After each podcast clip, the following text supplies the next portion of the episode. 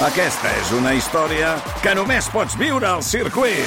24, 25 i 26 de maig. Gran premi Monster Energy de MotoGP al circuit de Barcelona, Catalunya.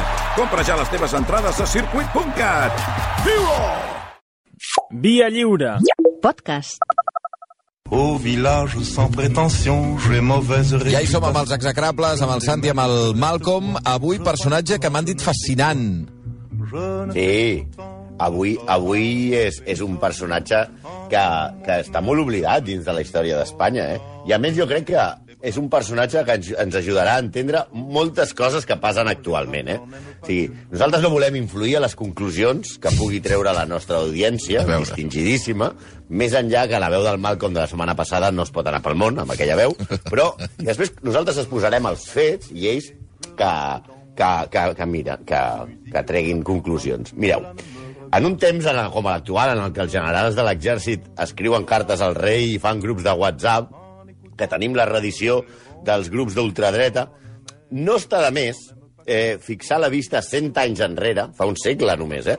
i reflexionar sobre un dels personatges més poc estudiats, com dèiem, i coneguts, i menys coneguts de la història recent d'Espanya.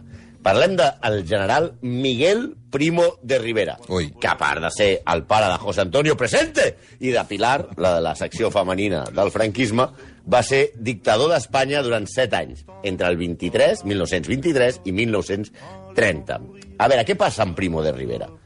Diguem-ne que Primo de Rivera és, en el món dels dictadors, que deve haver-hi un club de dictadors, Sí. seria eh, com a l'Andrew Ridgeley. Sabeu qui és l'Andrew Ridgeley?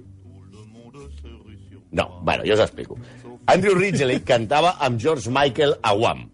És a dir, era el que no coneixia ningú. Franco seria George Michael, perquè tothom se'n recorda d'ell, una comparació una mica... No, no s'aguanta per enlloc, però vale. En canvi, al pobre Miguel ningú li fa cas, tot i que a la seva època va ser ben il·lustre, perquè encarnava la figura que el pensador espanyol aragonès Joaquín Costa, que va fer un cirujano de hierro, que no és un dolent de la Marvel, sinó que era la figura de la persona que havia de regenerar Espanya després del desastre colonial de, del 98. En realitat, és una mena, Miguel Primo Rivera és una mena de Mussolini espanyol de marca blanca, i que realment no li arribava la sola sabata al, al, al, al feixista italià.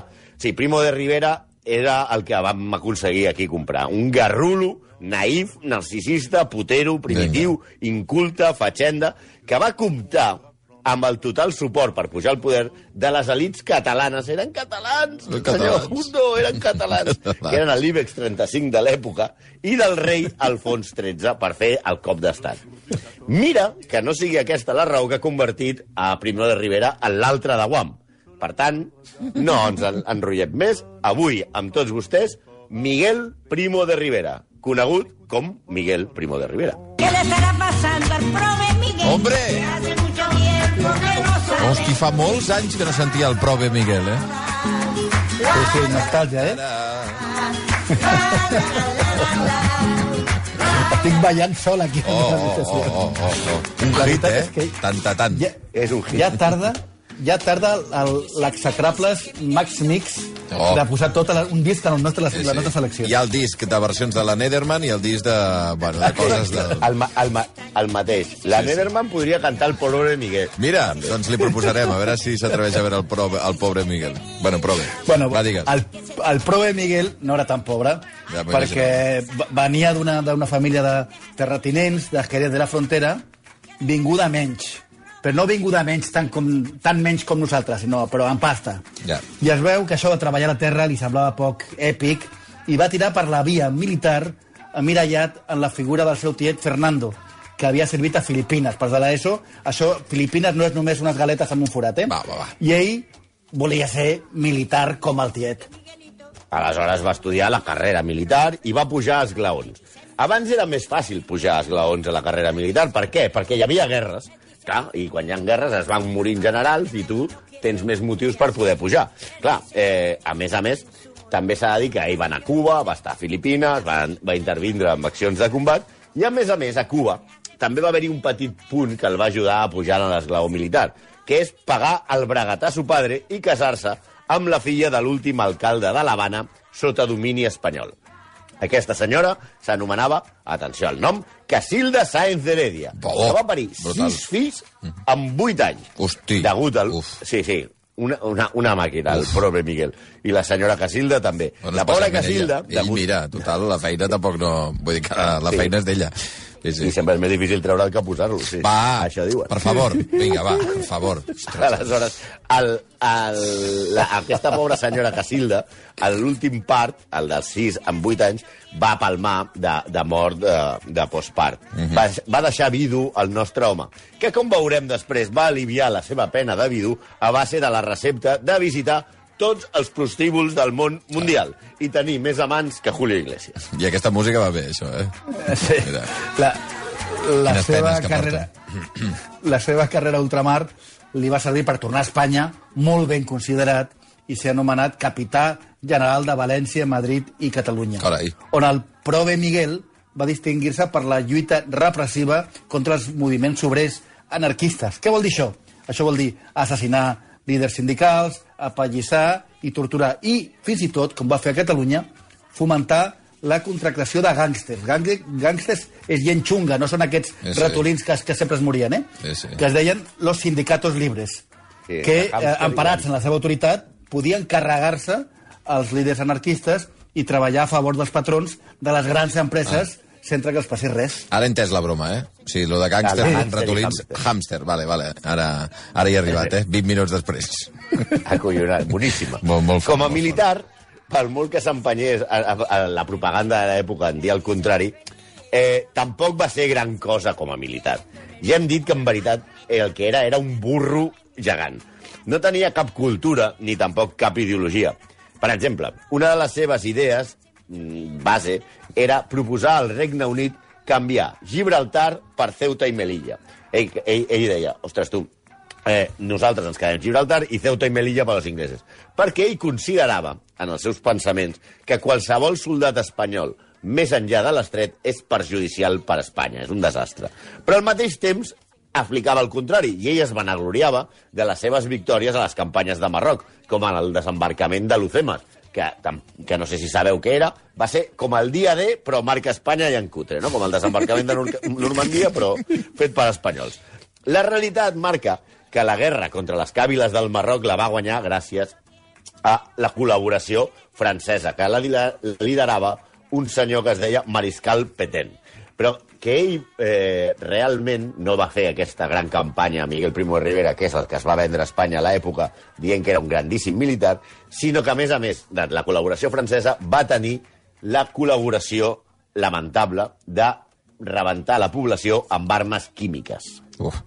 Sí, senyor. 70 anys abans de que Aznar descobrís que Saddam tenia armes de destrucció massiva, Espanya emprava el gas mostassa contra els insurgents dels RIF, òbviament sense, distingir entre sublevats, població civil o nens. Sí, però, molt, però a molt bon preu, eh? Això Ah, sí que li van fer barat. barato. Perquè Primo de Rivera i Alfonso, i Alfonso XIII van comprar a Alemanya l'armament químic que els havia sobrat de la Primera Guerra Mundial. És a dir, allò, oiga, que nos han sobrado aquí unas, una, unos potes de gas mostaza, tráigalo que vamos pa Marruecos. I el van produir, a més a més, amb una base secreta. Perquè, sí senyors, en aquella època, Espanya tenia una àrea 51, una cosa així enmig del desert, totalment eh, eh, prohibida, que estava situada en el complex militar de La Maranyosa. Jo no sé si heu estat a Madrid al Parque Warner, aquest, que està No. a un poble que es diu Sant Martín de la Vega. Doncs res, on estan ara les muntanyes russes del Parque Warner, allò era la base militar de la Maranyosa. Tela. Tot amb autorització reial. Però on va començar a triomfar el nostre home, en veritat, va ser a Catalunya. Oh! Oh! Hosti, Cristo rei.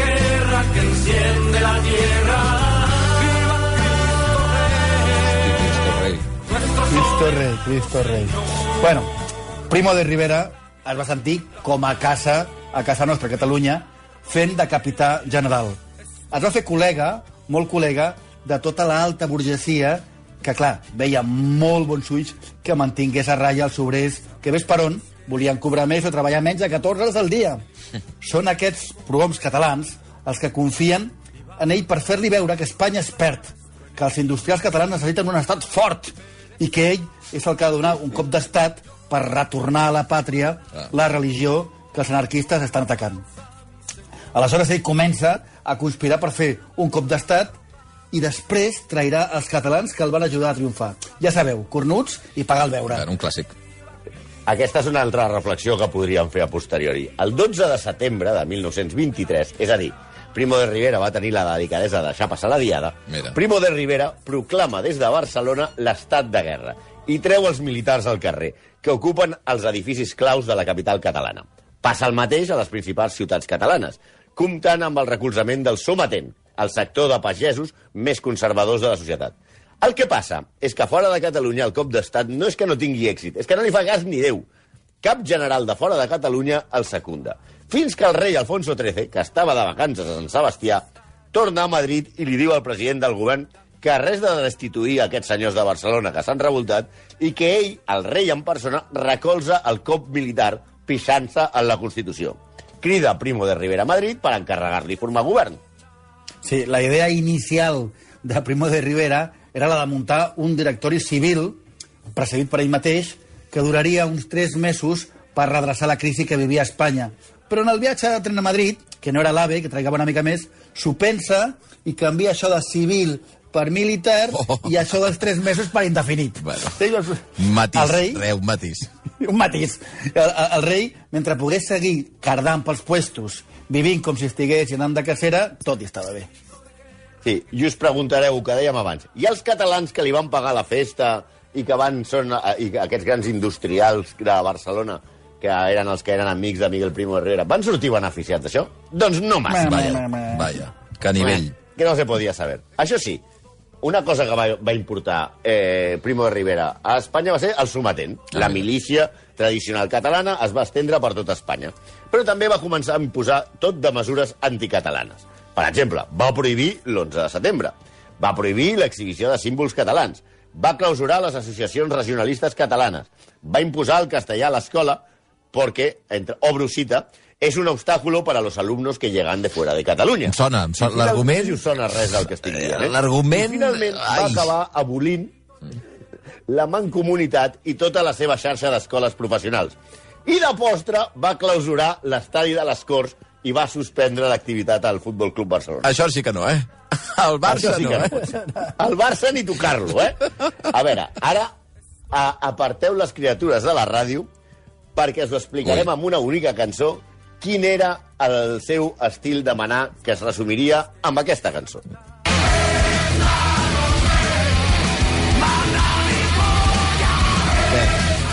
Eh? Ja, ja ho he entès, ja està, no cal que ho torni a dir. Sí, sí, bueno. Recordeu, recordeu que us havien dit que la idea era que el directori civil presidit per una autoritat militar, por supuesto, Mm. havia de durar només tres mesos. Doncs no, com canta el grup Lujuria, Primo va fer el que li va rotar. Ho has dit Sí, molt ja hem bé. dit que va canviar el directori civil per directori militar i això que suposava? Doncs va destituir a tots els governadors civils i els va substituir per governadors militars.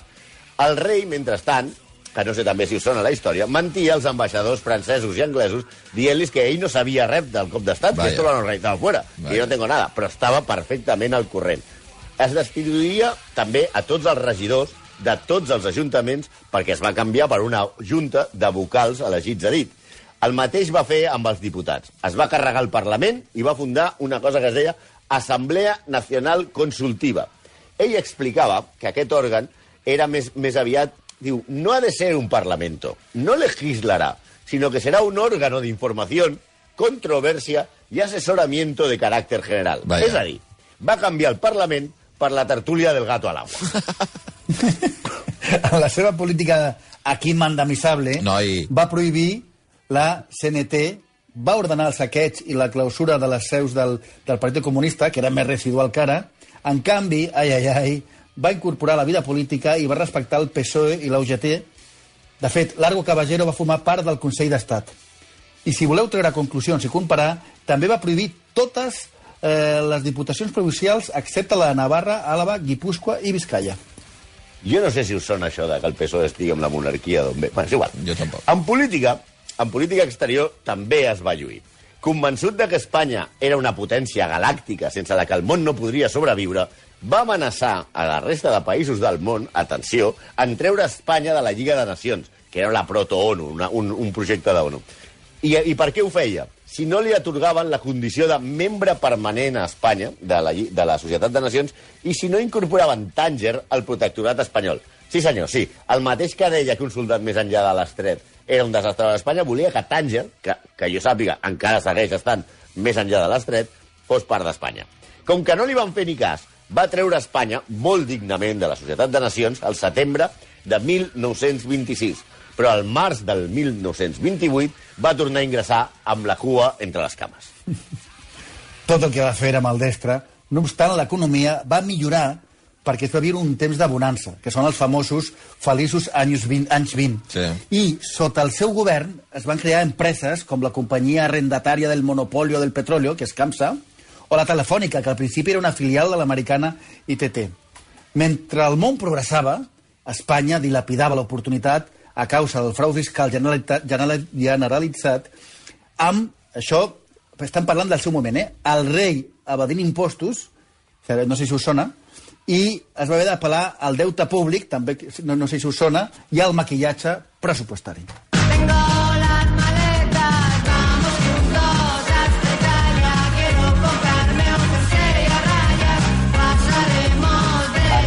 Època, qui partia la pana? Qui era el més gran de tots? Mussolini. Mm. Mussolini era l'ídol tant d'Alfonso XIII com del general Garrulo aquest que tenien. I què van fer Mussolini, eh, van fer Primo de Rivera i Alfonso XIII? Cogieron las maletas y fueron juntos hasta Italia a veure el seu ídol en un viatge que canviaria la història d'Espanya. Primo de Rivera parlava del Duce com mi inspiración y mi maestro. I el rei espanyol, així que és l'avi de l'emèrit, recordem, es referia al general andalús com mi Mussolini. Tela. Van anar a Itàlia i en lloc de portar-se de record un imant de nevera amb la torre de Pisa, un davantal de cuina amb la pitxica del David de Miguel Ángel, o aquests terrible, horribles que venen pel carrer, una bola de neu allò amb el Vaticà, que si la sacseges cau neu. Què van portar-se? Van portar-se al feixisme. Sí, Ole, senyors. Ole. Sí, va, va, van convertir el sometent en el seu mo- moviment de camises negres. En lloc de dir-li partit feixista, li van dir Partido Soma- Somatenista Espanyol i després Federació Cívico Somatenista i finalment Unió Patriòtica sota el lema Pàtria, Religió i Monarquia. Òbviament, era una mala còpia perquè Primo de Rivera estava a anys llum del carisma de Mussolini que igual feia un discurs en plan Alberto Sordi que es posava a segar blat amb el tors nu però ideològicament tenien moltes coses en comú. Per exemple, Primo definia el seu moviment polític com una ideologia clarament testosterònica. Es un movimiento entre hombres, en el que, el que no sienta la masculinidad completamente caracterizada, que se en un rincón. Però resulta que tanta masculinitat, i tanto que arribem al punt més, més divertit del nostre, del, del nostre home, no, no es podia saber, li provocava, diguem-ne, molts picors a la caixa d'eines. Ai. Arribem a Miguel Primo de Bragueta. Ja hem dit que el nostre general va quedar vidu molt d'hora i amb 8 anys de casat va tenir 6 fills. El tigre, i la seva, les, perquè la santa va morir a l'últim part. Aleshores ell es va dedicar a anar de putes per, per aliviar-se el temps que es liava amb totes les dones que podia en relacions més o menys fictícies. Per exemple, va ser nòvio de Raquel Meyer, Home. que era una cantant més famosa de l'època a Espanya, la de la Violetera, que seria com si Pedro Sánchez ara es liés amb Rosalía, per exemple. Sí, va estar a punt de tornar-se a casar diverses vegades amb dames de l'alta societat, tot i, que la, tot i la seva conegudíssima afició a visitar prostíbuls, sempre acabava desaconsellant la cerimònia. Hi ha dos casos ben diferents, però paradigmàtics, que ens serviran per entendre de quina mena de pàjaro estem parlant. El cas de, el cas de Mercedes, Nini Castellanos i Mendivil, que era una damisela de l'alta societat madrilenya, i la de la Caoba, una prostituta narcotraficant, perquè veieu que el general no en tenia d'escales socials. Comencem amb el cas de Nini, Nini Castellanos i Mendivil. Aquesta senyora, que era de molt bona família, va ser nòvia oficial del dictador i el seu compromís de noces va arribar a ser publicat a la premsa de l'època, però es va cancel·lar perquè ella li va concedir una entrevista a la revista Estampa al cursi de César González Ruano, un altre execrable que algun dia ja pentinarem. En un críptic article titulat Lo que nos dice de su próxima boda la prometida del presidente, González Ruano li fa un massatge vomitiu que la deixa en tan mal lloc, la deixa tan en ridícul, intentant quedar ben vella, que a Primo de Rivera no li queda més remei que anul·lar el compromís i la cerimònia. Sí, sí, l'entrevista és una genialitat. Mireu, escriu González Ruano. La dama ha sido elegida por lo cultivado de su espíritu, su belleza y exquisita distinción, que es ornato de la sociedad aristocrática en la que cuenta con extraordinarias simpatías. Es el alma viva y hada buena de las damas católicas, colegio donde aprenden un oficio las muchachitas de barriada, donde reina ella bajo el sol que tuesta en llamas los rostros y anima pasiones.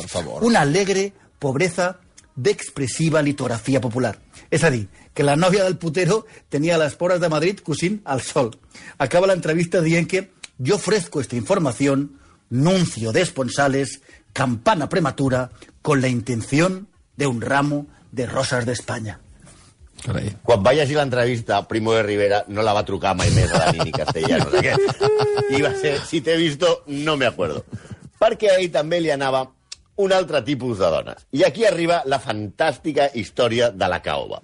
La Caoba, com hem dit, era una prostituta cocainòmana i dealer, a més a més, andalusa, molt reconeguda a Madrid per les seves arts, que era una de les amants que tenia el dictador. Aquesta senyora va ser denunciada un cop per un, del, per, per un familiar d'un dels clients habituals que, que seguia anant a veure la caoba. Deien que considerava aquest, aquest senyor que el seu parent havia perdut la voluntat per culpa dels polvos de tota mena que li proporcionava la senyora, que, tenia, que el tenia poc menys que segrestat i sotmès. Vista la denúncia, el jutge de Madrid, un senyor que es deia José Prendes Pando, va ordenar la, la detenció de la caoba, que quan entra a comissaria fa allò de la trucada a les pel·lícules. Dice, tiene una llamada. I aquí va trucar a l'advocat, no senyor, va trucar a Primo de Rivera. Ole. Sí, sí, Primo li diu per carta al jutge que la deixi anar. I el jutge es nega i fins i tot amenaça amb incloure la carta del dictador al sumari de la causa. Així que què passa? Que el jutge el dia següent és traslladat al Albacete de manera urgent. Però la cosa no acaba aquí. El president del Tribunal Suprem es posa al costat del jutge i acte seguit li arriba la jubilació per avançat immediata. Però què, què, què, què passa aquí? Que no hi ha separació de poders?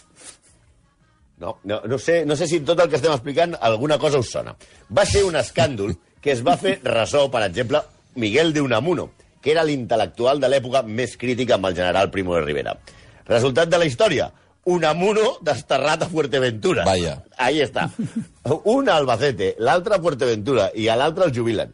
De- Des de Fuerteventura, Unamuno va, escrit, va escriure aquestes paraules que són eh, que diuen Famoso se hizo el caso de la ramera vendedora de drogas prohibidas por ley y conocida por la caoba, a la que un juez de Madrid hizo detener para registrar su casa y el dictador le obligó a que la soltara y renunciara a procesarla para salir fiador de ella.